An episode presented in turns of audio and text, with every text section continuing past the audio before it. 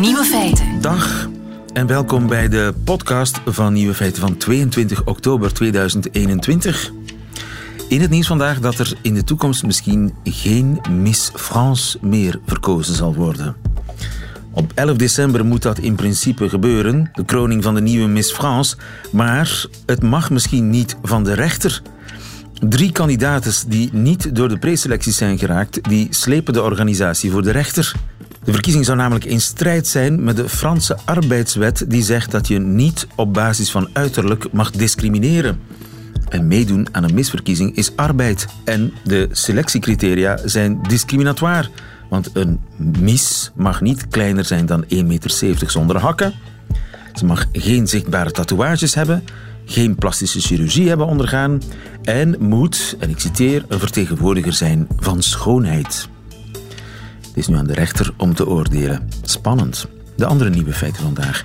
Het is nu zwart op wit bewezen: stotteraars die kunnen vlot praten als ze alleen zijn. 80% van de Romeinse keizers die stierven een gewelddadige dood. En daarmee houden ze zich netjes aan een wiskundige wet, namelijk het Pareto-principe. Er zijn vogels voor wie het elke week de warmste week is. Ze cijferen zich weg voor hun soortgenoten.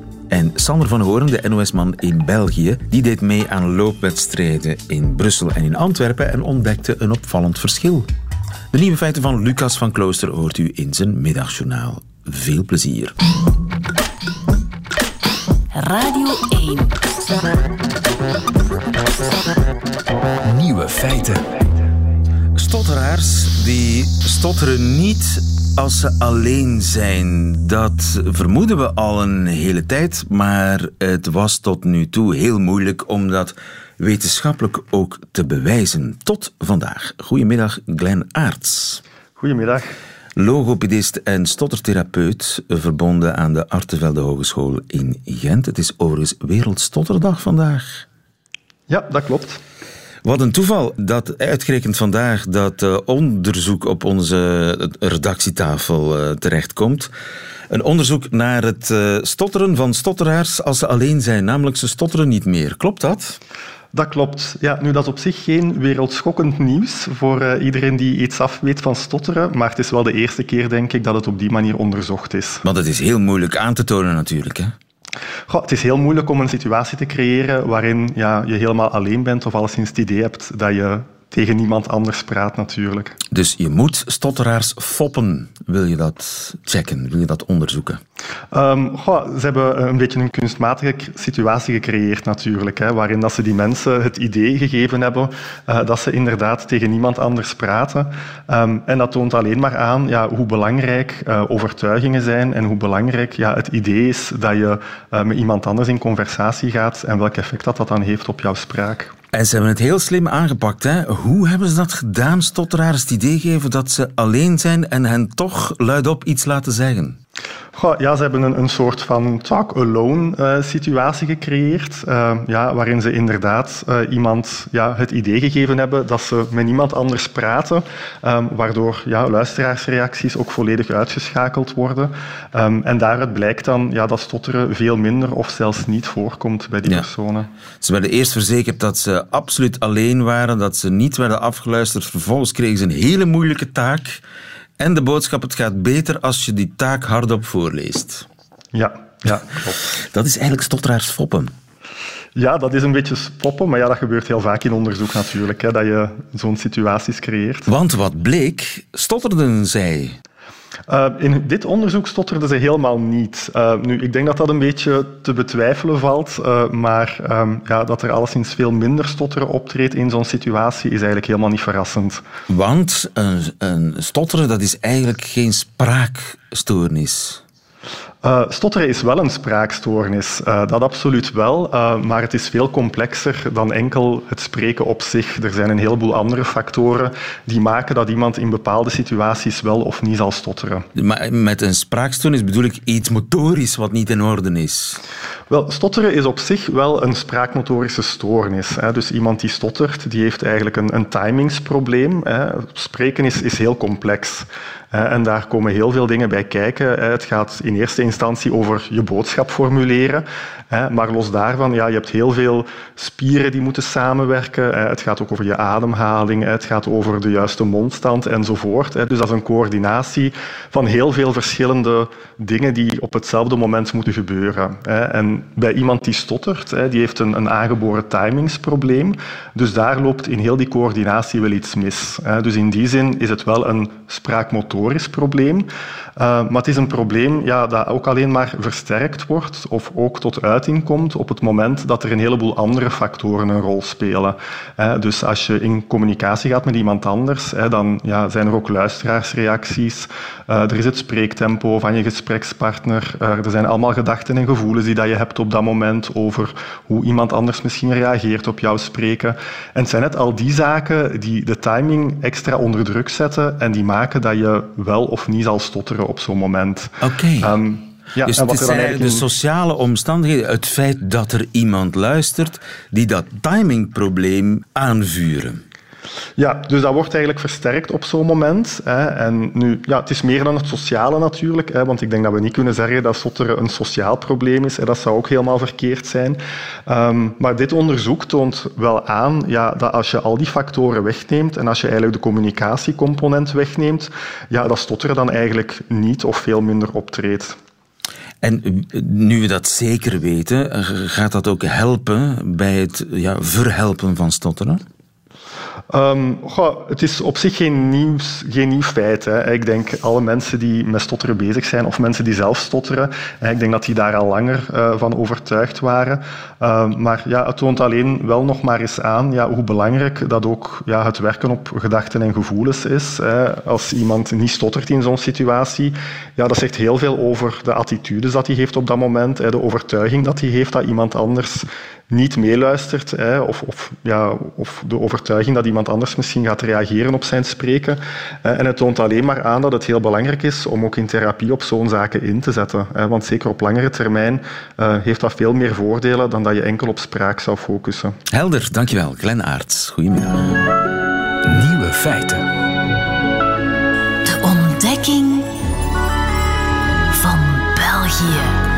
Een uh, ontdekking die nu toch al een jaar of drie duurt. De ontdekking van België door de NOS-man in Brussel, Sander van Horen. Goedemiddag, Sander. Middag, ja. Wat is jou deze week aan ons land opgevallen? Ja, het is eigenlijk niet eens zozeer deze week, maar een, een soort idee dat de afgelopen weken in mijn uh, hoofd is bij, blijven knagen. Oké. Okay. Um, en eigenlijk komt het er toch ook weer op neer. Wat een vreemde eend in de bijt dat Brussel. Wat is er gebeurd? Wat is er gebeurd, Sander? Oké, dan ga je dus uh, lopen.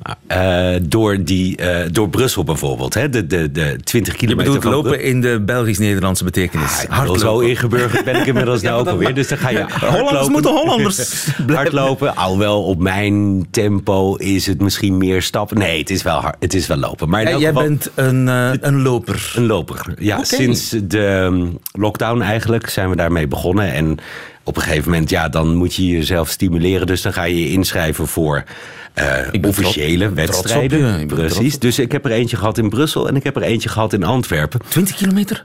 Door Brussel. En de Antwerpen was 16,1 kilometer, de 10 mijl die ik overigens ere wie ere toekomt, langzamer heb gelopen dan de burgemeester van, uh, van Antwerpen, die, uh, die toch beduidend sneller was dan ik, helaas. Maar, uh, nee, maar wat, wat de grap is een beetje de, het verschil in de feesten eromheen tussen die twee steden. Het was Hallucinant. Uh, in Brussel, ja, ik weet nog altijd niet of ik het goed gehoord heb. Want ik was een beetje uh, chaotisch met uh, startvakken. Het had alles met corona te maken en met de snelheid waarmee je loopt. Dan start je in bepaalde vakken en ik stond in het verkeerde vak, dus ik moest me verplaatsen. Maar ik, ik weet bijna zeker dat ik het Belgisch volkslied hoorde voor de start van de 20 kilometer van Brussel. Ja. Dat verbaast jou niet. Het Belgische volkslied voor uh, Brussel is een beetje. Is, ja, als, als je het ergens hoort, is het in Brussel. Ja, precies. Ja. Want in, in, bij die, de, de 10 mijl van, van Antwerpen uh, niet dus. Maar ik, ik vind dat altijd. Volksliederen en, en vlagvertoon, daar heb ik wat mee. Uh, omdat het ontbreken ervan, of het juist niet, dat, dat zegt iets. En Ik bedoel, in Nederland een, een, een hardloopwedstrijd. eh, en dan eh, beginnen met het Nederlandse volkslied.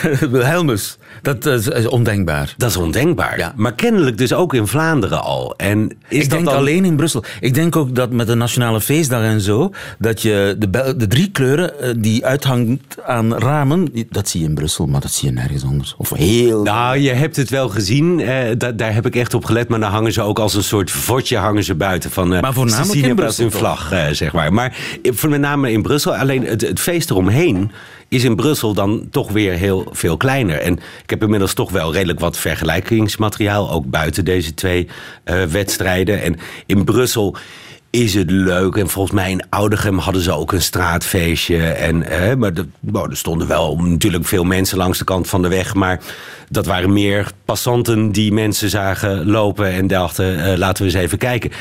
Nou, Antwerpen niet. in Antwerpen was het 16 kilometer lang feest. Oké. Maar dan echt feest, als in er worden dingen georganiseerd. En natuurlijk toen we over Grote Markt liepen en over de Mer... eh, Dat, dat, dat, natuurlijk staan daar heel veel mensen. Het was een zondagmiddag, dus nou ja, prima. Maar ook in, in allerlei wijken, zelfs langs stukken dat je op de snelweg loopt... eh, door Dat de inderdaad Kennedy-tunnel. merkwaardig. Dat is, het verschil tussen Antwerpen en Brussel, dat, dat, eh, dat had ik eigenlijk ook niet bij stilgestaan. Nee, en ik denk toch ook dat het in Brussel de gemeenschap te divers is om je met zoiets te identificeren. En zo'n sportwedstrijd, ook al doe je zelf niet mee, misschien juist als je zelf niet meedoet, is, is ook een identificatieding, een, een volksfeest, zo je wil. Ja, er hingen af en toe wat Vlaamse vlaggen langs het parcours in Antwerpen, maar eh, het is een verbondenheid. Ik heb hetzelfde gezien bijvoorbeeld in Nijmegen. Dan heb je de Vierdaagse van Nijmegen. Eh, eh, vier dagen lang, Ook 50 volksfeest? één en al. Ja. En wat dan weer het grote grappige verschil is ehm, tussen Nederland en België, Vlaanderen in dit geval, is toch de alcoholconsumptie. Ik wil het daar toch eens serieus met je over hebben. Want in Nederland zie je, je begint als je 50 kilometer loopt op een dag, begin je om vier uur s'nachts. Nou, oké, dan heb je dronken studenten langs het parcours en dat loopt zo langzaam op. In Nijmegen lopen ze 50 kilometer. Ja. Dat is een echte marathon. Vier dagen. Nee, nee, oh sorry. Stappen ze 50 kilometer. Ja, ja, ja. En dat is dan eh, vier dagen achtereen. Oké. En dan, dan ben je dus eh, acht uur per dag aan het stappen. Dus ja, dan, dan zie je zo dat de, de hele bevolking met je meebewegen. Dus dat begint met ouders met kleine kinderen vervolgens. En dan inderdaad om een uur of twee, dan zie je de eerste mensen met de glaasjes cava en de biertjes langs. ze. En dat, dat is dan echt een beetje besmuikt haast. En dan om vijf uur dan gaat het in Nederland los. Maar in Antwerpen, maar je zegt dat ging echt vanaf eh, de, ongeveer eh, voor de start nog de bolletjes. En dan is het ook heel normaal dat als je klaar bent met lopen kennelijk, dat je dan een pintje neemt. En ik vind dat zo ja, grappig. Maar die, die, die manier waarop... Dat, dat zou jij nooit doen. Na zelf een eh 10 kilometer te hebben gelopen, een pintje drinken. Nee.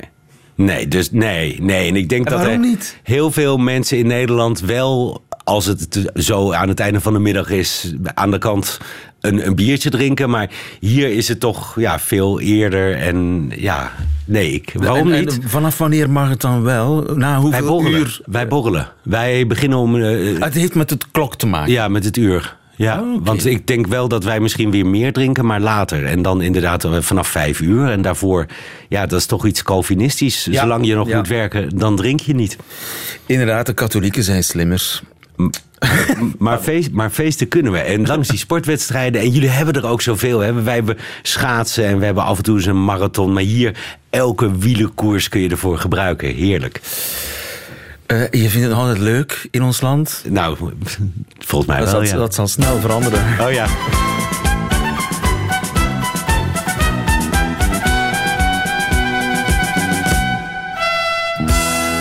Examen Vlaams. De wekelijkse marteling voor Sander van Horen. Het examen Vlaams. Wat is iets op flessen trekken? Iets op, op gang helpen, geloof ik. Nee, hè? Nee? Nou ja, nee, ja. Dus het risico heeft ik hier lopen. Hè. Soms kan ik gewoon heel, met heel veel aplomb kan ik gokken. En als ik dan goed, goed zit, dan, dan nou ja, krijg ik... Je, je hoort het er gek genoeg vooral journalisten zeggen. Maar nu trekt u het op flessen. Overdrijft u of draait u eromheen? Nee, overdrijven. Iets, iets, tussen, iets tussenin. Want volgens mij is het ook een vrij recente ontwikkeling, Ja. of een vrij recente uitdrukking. Volgens mij is de, ik, ik kan mij vergissen, ben geen taalkundige, is de oorspronkelijke uitdrukking iemand op flessen trekken. Dus eigenlijk iemand om de tuin leiden. En als de journalist aan de minister zegt, nu trekt u het op flessen, dan stelt hij het moedwillig anders voor dan het is. Overdrijft hij. Vaak. Oké, maar wat, waar, waar, waar Ik vind het een hele lelijke uitdrukking. maar waar komt de beeldspraak vandaan? Is het op kapotte flessen trekken en dus iemand verwonderen of iemand in een positie brengen? Nee, ik, hm. Ja, het, het in, eh, in een fles stoppen waar het niet in past. nee, maar je trekt iemand op een fles. Ja, whatever. Ja. Taal, raar. raar. Luisteraar, help. Ja, misschien zijn er mensen die weten waar dat beeld vandaan komt. Hashtag nieuwe feiten. Hashtag niet meer vet. Op CD. Nou ja, dat... Kijk, kijk, naar, kijk naar onze technicus. Die zit, die zit eh, heel eh, genoeglijk... eh, Ik, je- lachen, als ik hem heel letterlijk neem, dan is het een plaatje dat op cd... maar ik Ja, ga toch voor de Franse vertaling en dan zeg ik geobsedeerd. half, half. Het, het- ja, het, het- een, een geobsedeerde. Oké, ja precies. Ja, ja, ja een cd. Ja. Zeg jij een. CD, zeg? Ja, ja. Iemand die seksueel geobsedeerd is. Seksueel, die connotatie. Ja. Oké. Oh, daar gaat weer een half puntje af nu. Inderdaad, een, iemand die met niets anders dan seks bezig is, een op CD. Oké. Dikke nek. Eh, arrogant, Hollander. Oké. Die heb je al geleerd. Dat was een van de eerste woorden die je hier leerde, Ja. Sander. Ja. Oké, doe ik er nog eentje. Slabakken. Uh, lamzwansen. Nee? Wat is lamzwansen? Slabakken. Nee. Wist je dat niet? Lamzwansen is... is eh, eh, Ehm, dat is een klaplopen als in... eh, klaplopen. ja.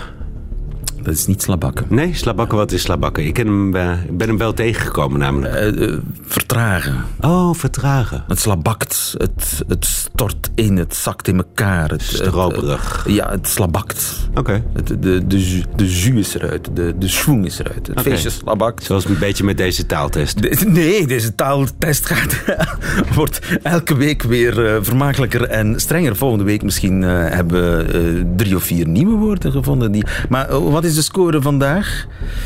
Eigenlijk eh, half punt. Nee, dikke nek wist je.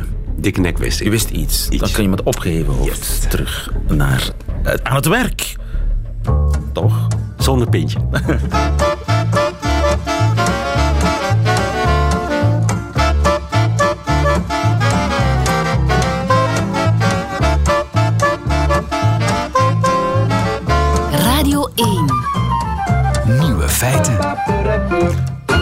De kans op een natuurlijke dood voor een Romeinse keizer die was iets meer dan 20% En daarmee houden die keizers zich kennelijk netjes aan een wiskundig principe. Met name het Pareto-principe. Dat hebben Braziliaanse wiskundigen zo pas becijferd. Dirk Huilenbroek, goedemiddag. Ja, goedemiddag, eh, lieve. Wiskundemissionaris, mag ik wel zeggen, verbonden aan de architectuurafdeling van de KU Leuven. Eh, risicoberoep, hè, keizer in eh, het Romeinse Rijk. 80% kans op gewelddadig eh, overlijden. Met een mes in de rug, dan wel op het slagveld. Ja, ja, ja, ja. Of ja, vergiftigd of ja, samenzweringen en zo. Ja. Ja. En amper 20% kans op een natuurlijk overlijden. En dat Pareto-principe, wat is dat? Wel, dat wordt al eens kort gesteld als zijnde dat 20% van de oorzaken instaat voor 80% van de gevolgen. Het is zo'n beetje de 20-80-regel. De, de 20-80 verhouding, dat is het Pareto-principe. Ja, zo zou men het kunnen stellen. Ja. Dat, eh, eh, ja, men heeft dat zo in, in veel toepassingen. Hè. Ehm, bijvoorbeeld, ja, eh dieetgoeroes eh, disputeren zelfs eh, Pascal Naessens en Sandra Beccari over wie het heeft uitgevonden. Namelijk dat men 80% van de tijd gezond mag eten en 20% mag zondigen. Oké. Dus diëten of, eh, houden zich aan de 80-20-regel. En en managers ook? Ja, bijvoorbeeld dat 80% van de omzet zou verdiend worden dankzij 20% van de klanten. En dat je die klanten dus extra moet eh, verzorgen. Ehm, ja, maar het is eigenlijk inderdaad zelfs begonnen eh, in, de, in, het, in de economie. Het is begonnen met een zekere Vilfredo Pareto, vandaar het Pareto-principe. Die in, in de jaren 1900 gesteld had dat 80% van de bezittingen in Italië toen in handen was van 20% van de bevolking. Oké. Ja. En bijvoorbeeld sociale media-accounts. 80% van de sociale media-accounts die heeft weinig volgers, 20% heeft heel veel volgers.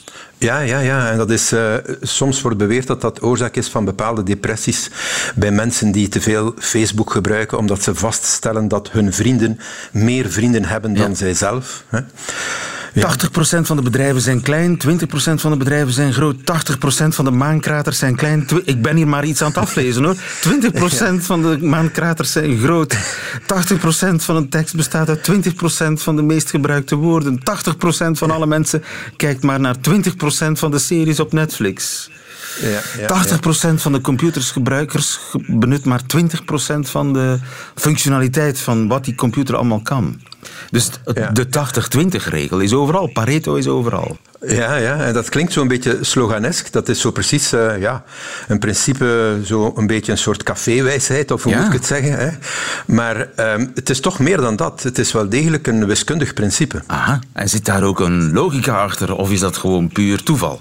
Nee, nee, er zit daar een, eh, een, een zeer gefundeerde wiskundige logica achter. Sommige mensen kennen misschien de Gauss-kromme, de, de klokvormige kromme, zo in de vorm van een hoed van Napoleon. Ja. En die kromme wordt dan gebruikt bijvoorbeeld wanneer men opmetingen doet. Als men iets willekeurig opmeet, wat het nu ook mogen zijn, bomen, de grootte van mensen, eh, de hoogte van huizen, van een huis of zo. Als men opmetingen doet, dan komt die Gauss-kromme tevoorschijn en dan zegt men al eens dat twee derde van alle gemeten zaken rond het gemiddelde liggen. Ja. En dan zegt men soms dat 95% uh, onder die hele hoed van Napoleon liggen, onder die hele krok. Maar dat is ook zo'n algemeen... komt vaakst voor. Het gemiddelde komt vaakst voor en alle andere waarden liggen daar zo wat rond. Volgens een bepaald principe van die 68, die 2 derde regel of die 95% regel. Ja. Maar dat is de Gauss-curve, dat is iets anders. Dat is een ander wiskundig principe. Ja, maar dat is ook zo een algemeen principe waarvan men zich zou kunnen afvragen hoe kan dat nu? En men kan dat ook statistisch aantonen. En dat is eigenlijk vrij algemeen aanvaard. Daar is men tamelijk goed vertrouwd mee. Mensen vinden het logisch dat het gemiddelde vaakst voorkomt. Alhoewel het toch ook verrassend is, hè, dat wat men ook opmeet, hè, wat het ook zij, zelfs al is men een slechte opmeter of een goede opmeter, hoe men het ook doet, men heeft dat Gauss-principe. Wel, bij de zaak van oorzaak en gevolg, hoe men het ook doet, men heeft dat Pareto-principe van die 80-20. En dat is dan niet gebaseerd op die Gauss-kromme in de vorm van een hoed van Napoleon, dat is dan gebaseerd op een andere kromme die men noemt een machtskromme. Het gaat eigenlijk over waarschijnlijkheid. Ja, net zoals... Over kansverdeling. Wel, net zoals dat bij de Gauss-kromme, als men dat, die kromme die eigenlijk zeer ingewikkeld is, die Gauss-kromme, om die, die hoed van Napoleon of die klokvormige kromme te beschrijven, een vrij ingewikkelde formule, maar toch blijkt daaruit die algemene regel van die twee derde en van die 95 procent. Ja. Nu, uit die machtskromme, uit, dat is dan dus een andere soort kromme, daaruit blijkt dan ook via wiskundige berekeningen dat inderdaad 20% van de oorzaken 80% gevolgen heeft. Hoe dat aan zijn gang gaat, dat is via waarschijnlijkheidsrekening. Ja. Maar het is dus net zoals bij een Gauss-kromme gebaseerd voor het Pareto-principe ook op een kromme, maar dan wel een andere kromme, de machtskromme. De machtskromme. En dus eigenlijk in uh, gewone mensentaal gezegd kun je zeggen dat veel voorkomende gebeurtenissen een waarschijnlijkheid hebben van ongeveer 80% terwijl mm zeldzame gebeurtenissen een waarschijnlijkheid hebben van ongeveer 20 Inderdaad. En voor de keizers was veel voorkomend vermoord worden, 80%, was weinig voorkomend tot het einde der dagen overleven, 20%. Helder, dankjewel Dirk Huilenbroek. Goedemiddag. Ja, goedemiddag. Nieuwe feiten. Radio 1.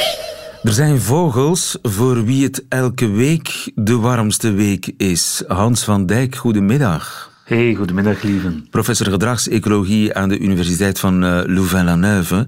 Het zijn collega's van jou die gedurende heel lange tijd, twaalf jaar zelfs, dat is heel lang, een bepaalde vogel hebben bestudeerd. Een vogel ja, die zichzelf wegcijfert voor de anderen, die offers brengt voor het goede doel. Ja, tenminste, sommige exemplaren helpen de anderen. Je hebt er die gewoon hun eigen ding doen, maar er zijn een aantal exemplaren. Het gaat over de Mahali-wever, om heel precies te zijn. En als mensen die niet kunnen voorstellen, wel, je neemt een mus, die kennen de meeste mensen wel, de huismus. Je maakt die een beetje groter en je zet witte wenkbrauwen boven op zijn kop, zodat hij felle maquillage heeft. En dan heb je de Mahali-wever, die in de Kalahari-woestijn woestijn of savannegebied zit. En sommige exemplaren van broeden, dat is niks speciaals. Hè. Mannetje, vrouwtje maakt een nest. Maar een aantal van hun eerdere nakomelingen gaan helpen bij het nieuwe nest. En dat is inderdaad een soort bijzonder helpgedrag. Dus het is niet dat de soort zich wegcijfert, maar sommige exemplaren helpen de andere familiegenoten. En dat is wel belangrijk. Dus dat zijn vogeltjes die zelf geen kinderen nemen, zeg maar, maar die hun jongere broer eten geven. Ja, klopt. En dat is wel belangrijk. want je ziet in een, ja, het, het, kunnen beide zijn. Nu, wat helpgedrag betreft, lieve, zijn het vooral de vrouwtjes die goed helpen. De mannetjes, dus de broertjes, zeg maar, helpen ook, maar veel minder. En als je echt gaat uitrekenen of het er iets toe doet, dan is het vooral de hulp van de vrouwtjes, die, de zusjes, zeg maar, die erg belangrijk is. Maar dat even terzijde. Wat hier heel belangrijk is, omdat schijnbaar of, of altruïstisch gedrag te begrijpen, is dat het om familie gaat. Want in de natuur denken we vaak, ja, alles zijn, dat is toch zelfzuchtig. Hè? Denk aan de jaren zeventig, zelfzuchtige genen. Het moet toch dieren zijn, uh, werken vanuit een soort egoïstisch programma. Ja, de dus drang om te overleven, hè? om zelf te eten en niet gegeten te worden. Dat is Darwin, hè? Ieder voor zich. Ja, niet alleen, dus dat is natuurlijk het beeld dat we hebben, maar natuurlijk is die Darwinistische visie veel breder. Want je kan ook vanuit een soort zelfzucht, genetische zelfzucht, toch anderen helpen. En dat komt precies in gevallen wanneer het familie is, is dat belangrijk. Want je moet weten, je kinderen hebben natuurlijk de, hebben de genen van vader en moeder. Het wil zeggen dat je voor de helft een genetisch gelijkenis of verwantschap hebt. Maar die heb je ook met je broer of je zus. Dus als je bekijkt vanuit genen die doorgegeven worden, zie je dat familie helpen ook kan helpen om een deel van die genen door te krijgen of te laten overleven. Dat is eigenlijk een soort van suikertante-gen. Ja, precies. Maar hier is het dus zo. Het is niet zo dat die oudere jongen die gaan helpen zelf niet voortplanten, maar ze stellen het een beetje uit. Dus ze worden geboren zelf bij een vader en een moeder en het jaar erop zouden ze eigenlijk zelf al kleine wevervogeltjes kunnen produceren, maar dat gebeurt niet altijd en niet meteen.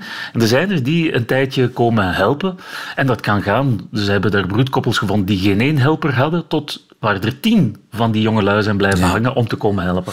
En op zich is het verrassend, lieve, want als ze nu wel of meer helpers hebben op een territorium, bleek in dit onderzoek dat ze gemiddeld niet meer jongen grootbrengen. En dat lijkt dan verrassend, want dan zeg je goed, ze komen helpen en het lijkt niet te helpen. Wat is daar de logica achter? Wacht eens even, dus dat dient eigenlijk nergens voor? Toch wel, toch wel, toch wel. Maar je moet het weer wat op langere termijn. Die dieren, je moet niet elke keer zo'n broedsel hebben gaan rekenen. Wat belangrijk is in termen van evolutie, is eigenlijk het broedsucces door in heel hun leven natuurlijk.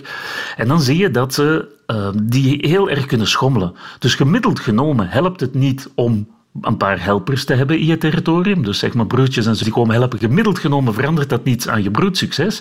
Maar het helpt wel in de schommeling, in de variatie. En dat lijkt ingewikkeld, maar biologie, daar hebben we ook statistiek voor nodig. Je moet niet alleen gaan kijken wat doet dat gemiddeld, maar je moet ook gaan kijken naar schommelingen. Want stel liever dat je bijvoorbeeld beter zou doen zonder helpers, stel, en je hebt altijd uh, je, je gaat aan de slag zonder helpers, maar dan heb je ineens heel andere milieuomstandigheden waarin je eigenlijk zou moeten beroep doen op helpers, maar je hebt ze niet, dan is het einde verhaal. Wat ze hier tonen is dat het feit dat er helpers zijn, is een soort levensverzekering. En met verzekeringen is dat je betaalt ieder jaar en als je de verzekering niet nodig hebt gehad, dan zeg je, ja, waarom heb ik weer betaald? Het was niet nodig. Je hebt wel de kost gehad. Maar het voordeel is, het jaar waarin je het plots nodig hebt, is het toch maar goed dat je er kan op rekenen. En dat zien ze dus hier bij die vogels. Dus sommige jaren haalt het eigenlijk helemaal niet uit. Andere jaren is het wel heel belangrijk om ze te hebben. En dat hangt samen, hebben ze mooi kunnen tonen, met de klimatologische omstandigheden. In die Kalahari-gebieden, savanne, woestijnachtige milieus, als er veel regen valt, zijn er veel prooien, is het leven relatief makkelijk, ook voor die wever. Maar wanneer het dor, bar, droog weer is, dan hebben ze het echt wel uh, niet van de poes. En dan blijkt het dat het heel belangrijk is om op die momenten te kunnen beroep doen op die broertjes en zusjes. Dus altruïsme is een goede verzekering tegen klimaatopwarming. Ik zeg zo maar iets. Wel, dat zou kunnen, maar hier zie je al in, die in dat Kalahari-systeem heb je sowieso grillige patronen. Maar je ziet, eh, ze hebben dat ook nagekeken in deze studie, vanaf 1880 zie je dat niet zozeer de gemiddelde omstandigheden, maar wel de schommelingen in die omstandigheden feller toenemen, zeg maar die variatie. Dus moeilijk te voorspellen. En als die voorspelbaarheid grilliger wordt, dan zullen ze nog niet zo snel dat systeem met die helpers opgeven. Dus dan lijkt het dat ze beter uh, aan de slag gaan met de broertjes, maar vooral de zusjes die, die komen die bekjes voeren. We kunnen nog veel leren van die uh, woestijnwevers, zal ik maar zeggen. Dankjewel Hans van Dijk. Goedemiddag. Graag gedaan. Dag. Nieuwe feiten. Ziezo, dat waren ze, de nieuwe feiten van 22 oktober 2021. Die van Lucas van Klooster nu, in zijn middagjournaal. Nieuwe feiten. Middagjournaal. Waarde luisteraar van Brussel Vlaams. Het schrijnend tekort aan onderwijskrachten is het onderwerp van de week. U hoorde de cijfers, straks zitten uw kinderen misschien thuis wegens school gesloten. Maar ik pleit schuldig. Na 15 jaar werken met kinderen en jongeren in het reguliere onderwijs, de opvoeding en de cultuur, heb ik die mooie sector in de steek gelaten voor de journalistiek. Ik verdedigde mij soms met het argument dat de journalistiek toch ook een beetje lesgeven is en dat ik als reporter vaak tieners voor de micro haalde of onderwerpen behandelde uit hun interessesfeer en dat ik, zoals Urbaan de Bekker, altijd de jeugd verdedigde. Het is een vraag die mij nog altijd kwelt. Deed ik er goed aan om van de klas naar een redactie te stappen? Bravo aan die paar VRT-collega's die nu de omgekeerde beweging maken. Ik studeerde af aan het regentaat in 1975. Er was toen een enorm leerkrachtenoverschot bij een stijl dalend geboortecijfer. Wie geen invloedrijke nonkelpater in een college had of een politieke piston in het toenmalige rijksonderwijs, mocht het op 1 september wel schudden. Dat grote overschot duurde tot zowat 1990. Het onderwijs is een ontroerend project. Mentoren begeleiden jonge mensen naar een zinvolle invulling van hun leven. Wie iets weet of kan, draagt het over aan wie het nodig heeft. Ik beken dat ik verschrikkelijk slechte lessen heb gegeven, ongeïnspireerd en ongemotiveerd voor vijandige, lawaaierige, zelfs destructieve klassen. Maar ik heb net iets vaker, soms zonder dat het de bedoeling was, iets aangewakkerd bij pubers. Een vraag of een antwoord, een terloopse opmerking, wat ironische humor of een vilijn grapje dat iemand op weg zette, een raam opengooide, zelfvertrouwen gaf. Het mooie aan het onderwijs is dat het ook afgeschreven, achterop geraakte en wanhopige jongeren kan opvissen en redden. Ik herinner mij enkele jongens en meisjes in de kunsthumaniora, de technische afdeling persoonszorg, de beroepsrichting schilderen en decoratie. Wat is de oplossing? De bevoegde minister kwam in het parlement met tien voorstellen op een handgeschreven A5'je. Mag ik alle eind- en hoofdredacteurs met klem vragen om die man met rust te laten tot hij met zijn deskundigen structurele, concrete, duurzame oplossingen heeft uitgewerkt. Het onderwijsberoep zal aantrekkelijker moeten, jawel. En enkele taboes moeten sneuvelen. Net overschrijdende samenwerking onder meer, geen gezanik over hoofddoeken, veel minder administratie en bemoeizucht en hervormingswaanzin. Laat de leerkrachten toch doen. Vertrouw die mensen. Voorts moet de hiërarchie jonge leraren aan boord houden. Stuur ze niet rechtstreeks richting burn-out. Pak lastige stoorzenders kordaat aan. Vergader alleen als het echt nodig is, niet zo dikwijls dus, en hou het kort. Ten slotte, wie nu 112 miljoen bespaart in het onderwijs, is even slecht bezig als een arme mens die zijn honger stilt door het saaigoed voor het volgend seizoen op te eten. Maar al met al zie ik nog positief in. Het aantal leiders bij de jeugdbewegingen stijgt. Die enthousiaste jongeren weten hoe fijn het is om met kinderen om te gaan en ze hebben ook al veel ervaring qua verantwoordelijkheid en trucken van de voor om de aandacht gaande te houden. Jonge mensen zullen toch vroeg of laat inzien dat lesgeven, de toekomst vormgeven, leuker is dan werken in de vastgoedsector, de marketing, als consultant, quality operator, kabinetsmedewerker of iets in de media. En jullie daar, welbespraakte kerels en meiden van Marokkaanse, Turkse en Afrikaanse afkomst, injecteer een dosis rap en hip-hop en slam poetry en street art in de klas. Geef je energie en talent aan jonge mensen. Jijzelf en de maatschappij krijgen het driedubbel terug. Ik dank u voor uw aandacht.